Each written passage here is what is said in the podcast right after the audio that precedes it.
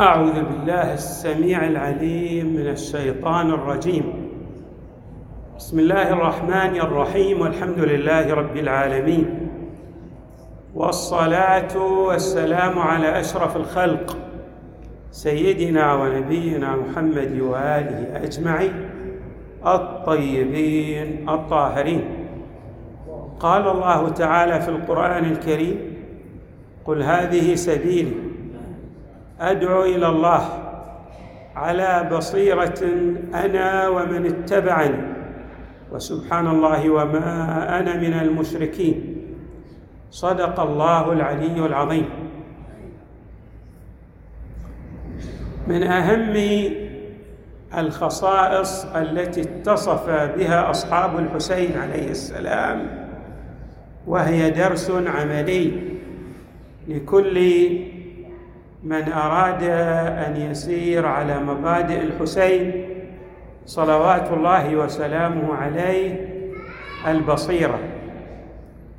والبصيرة يراد بها النظرة الثاقبة والمعرفة التامة لما وراء الأحداث وبمعنى آخر إدراك اللوازم والارتباطات التي ترتبط بالموقف الذي يتخذه الإنسان. وبالتالي لا يستطيع أحد أن يؤثر بأي نحو من التأثير على صاحب البصيرة لأنه يدرك الموقف العملي انطلاقا من الوظيفة الشرعية الملقاة على عاتقه من قبل الحق تبارك وتعالى. وهذه السمة والصفة كانت لأصحاب الحسين عليه السلام. ليس من خلال ما شهد به المعصومون عليهم السلام في حقهم وإنما أيضا إدراك الأعداء لهذه الخصيصه في شخصياتهم أحد الأعداء يخاطب الجيش جيش الأموي فيقول أتدرون من تقاتلون تقاتلون فرسان المصر وأهل البصائر وقوما مستميتين لا يبرز إليهم أحد منكم إلا قتلوه على قلتهم.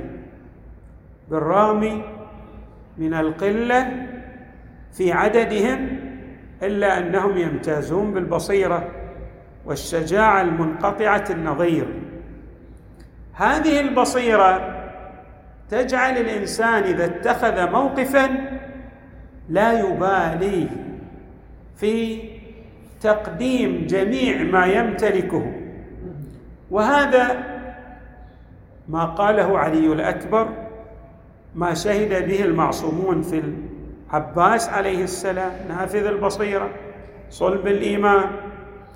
وكذلك الأحاديث التي انطلقت من أفواههم كل واحد من أصحاب الحسين أو الكثير من أصحاب الحسين تحدث بحديث. ذلك الحديث عندما نقف متأملين في مفرداته نجد أنه يفيض بالبصيرة. والمعرفة التامة للموقف العملي الذي اتخذه ذلك الناصر للحسين. مما ينبئ عن البصيرة وإدراك ما وراء الأحداث أن القائد في بعض الأحايين قد يقول لأتباعه يعطيهم الرخصة كما فعل الإمام الحسين عليه السلام مع أصحابه. أذن له.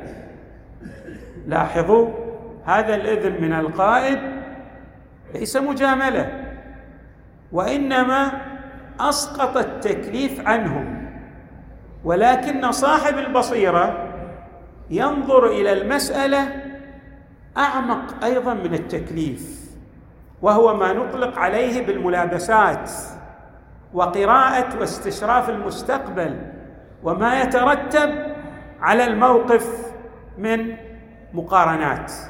الإمام الحسين يقول لأصحابه ألا وإني أظن يومنا من هؤلاء الأعداء غدا وإني قد أذنت لكم فانطلقوا جميعا في حل في حل لاحظوا كلمة في حل ليس عليكم مني ذمان وهذا الليل قد غشيكم فاتخذوه جملا وليأخذ كل رجل منكم بيد رجل من أهل بيتي فجزاكم الله جميعا خيرا.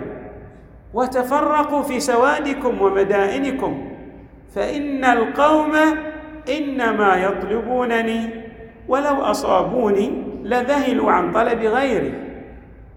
هذا الإنسان الذي لا يمتلك بصيرة يتلمس الأعذار ويريد أن ماذا؟ أن يحصل على أمثال هذه الاذونات ولكن صاحب البصيرة يدرك الموقف ادراكا شفافا يعني كأنه ينظر إلى ما وراء الحجب ويقرأ المستقبل وما يترتب عليه من أحداث. وهذا ما كان لأصحاب الحسين. أصحاب الحسين أيضا الإمام الحسين ليس قال لهم جميعا ذلك لبعضهم أيضا الإمام قال له ذلك وكان إذا صح التعبير بمعذرة. مثلا نجد أن الإمام الحسين قال لنافع بن هلال الجملي أو البجلي ألا تسلك بين هذين الجبلين في جوف الليل عندما خرج مع الحسين عليه السلام وتنجو بنفسك؟ وقال أيضا لبني هاشم حتى لأبنائه ولأخيه العباس. لكن ماذا كان الرد من هؤلاء جميعا؟ مثلا بنو هاشم ماذا قالوا ولما نفعل ذلك؟ ألنبقى بعدك؟ لا أرانا الله ذلك أبدا. الحياة لا قيمة لها دون مواقف عملية تصنع المستقبل وتؤثر في الأحداث. هذه هي الحياة الخالدة. ولكن نفديك بأنفسنا وأموالنا وأهلينا. نقاتل معك حتى نرد موردك. فقبح الله العيش بعدك. لاحظوا ينظرون إلى قبح الحياة بعد الحسين عليه السلام. يعني أن الحياة لا طعم لها دون أن تسير على مبادئ الحسين صلوات الله وسلامه عليه. أيضا هكذا صدر من بعض أصحابه. مسلم بن عوسجة يقول مخاطبا للحسين أنحن نخلي عنك؟ وبماذا نعتذر إلى الله في أداء حقك؟ الله يسألون عن هذا الموقف. بالرغم أنه قال أنتم حل من الذمام الذي عليكم لا عهدة عليكم يقول مسلم بن عوسجة أما والله لا أفارقك. حتى أطعن في صدورهم برمحي وأضرب بسيفي ما ثبت قائمه بيدي. ولو لم يكن معي سلاح أقاتلهم به لقذفتهم بالحجارة حتى أموت. يعني أنا بعت نفسي على الله لا أريد إلا هذه المبادئ. ولذلك ترون أن التأثير للحسين وأصحابه تأثير هو فوق الزمكان فوق الزمان والمكان. يخترق الأزمنة والأمكنة. يؤثر في الكل. ليس بمن يؤمن في مبادئ الحسين بمبادئ الحسين عليه السلام وإنما أيضا حتى من لا يؤمن. حتى في غير المسلمين. يرون أن هذه المبادئ هي فوق الزمان والمكان. ويقول أيضا سعيد بن عبد الله الحنفي والله لا نخليك حتى يعلم الله. أنا قد حفظنا غيبه رسول الله فيك. اما والله لو علمت اني اقتل ثم احيا. أو ثم احيا يجوز بالنحوين. والله لو علمت اني اقتل ثم احيا ثم احرق أو احرق حيا ثم اذرى يفعل بي ذلك سبعين مره لما فارقتك حتى القى حمامي دونك. وكيف لا افعل ذلك؟ وإنما هي قتلة أو قتلة واحدة ثم هي الكرامة التي لا انقضاء لها ابدا. اذا مسألة مسألة مبادئ مسألة قيم مسألة إيمان بالمعاد. ويقول زهير بن القين والله وددت أن إني قتلت ثم نشرت ثم قتلت حتى أقتل كذا ألف مرة. وأن الله عز وجل يدفع بذلك القتل عن نفسك وعن أنفس هؤلاء الفتية من أهل بيتك. اذا هؤلاء كل واحد منهم يحمل المبادئ يستشرف المستقبل يعلم بملابسات الأحداث وبذلك لا يؤثر عليه التضليل الإعلامي.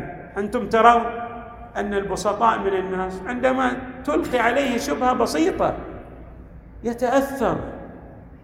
بل يغير مبادئه في بكلمتين لأنه لا يمتلك عمقا معرفيا فضلا عن أن يكون قد أدرك ملابسات الأحداث. اذا هناك خصائص لصاحب البصيرة صاحب النظرة الثاقبة. هذه الخصائص أنه يعرف دقيقا بشكل عملي أن الموقف الذي اتخذه الذي وقفه هذا الموقف هو ما يريده الحق تبارك وتعالى. هو ما تمليه عليه المبادئ. هو الذي سيؤثر في المستقبل. ويقول أيضا بريرة بن خضير يا ابن رسول الله لقد من الله بك علينا أن نقاتل بين يديك تقطع فيك أعضاؤنا ثم يكون جدك المصطفى صلى الله عليه وآله شفيعنا يوم القيامة. إيمان بمبادئ. إيمان بقيم. هناك تضحيات جسام لهم. لا لا يهمهم ما يقدمونه في سبيل الله لأنهم يسترخصون الغالي والنفيس في سبيل هذه المبادئ. أيضا الإمام الحسين عندما قالت له السيدة زينب هل بلوت أصحابك؟ يعني اختبرتهم قال الإمام الله لقد والله لقد بلوتهم. فما وجدت فيهم إلا الأشوس الأقعس.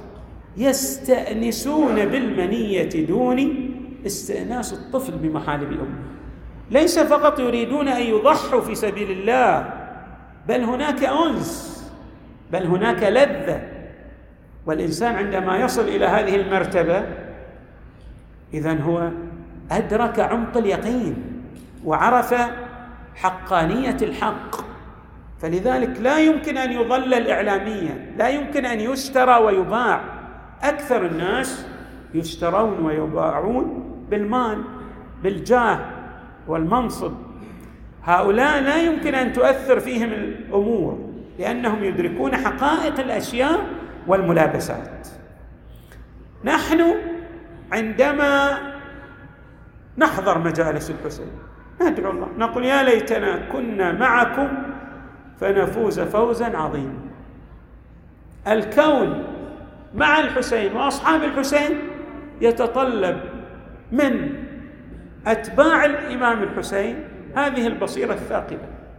الدرس العملي الذي يتعلمه الإنسان الحاضر في مجالس الحسين أنه يقدم جميع ما يمتلك في سبيل هذه المبادئ التي هي مبادئ الرسل والأنبياء. والصديقين والشهداء والصالحين عبر التاريخ. فإذا وصل إلى هذه المرتبة صدق في قوله يا ليتنا كنا معكم فنفوز فوزا عظيما. وفاز سواء مات شهيدا أو مات على فراشه. نسأل الله تبارك وتعالى أن يجعلنا مع الحسين وأصحاب الحسين صلوات الله وسلامه عليهم أجمعين. والحمد لله رب العالمين وصلى الله وسلم وزاد وبارك على سيدنا ونبينا محمد وآله أجمعين الطيبين الطيبين.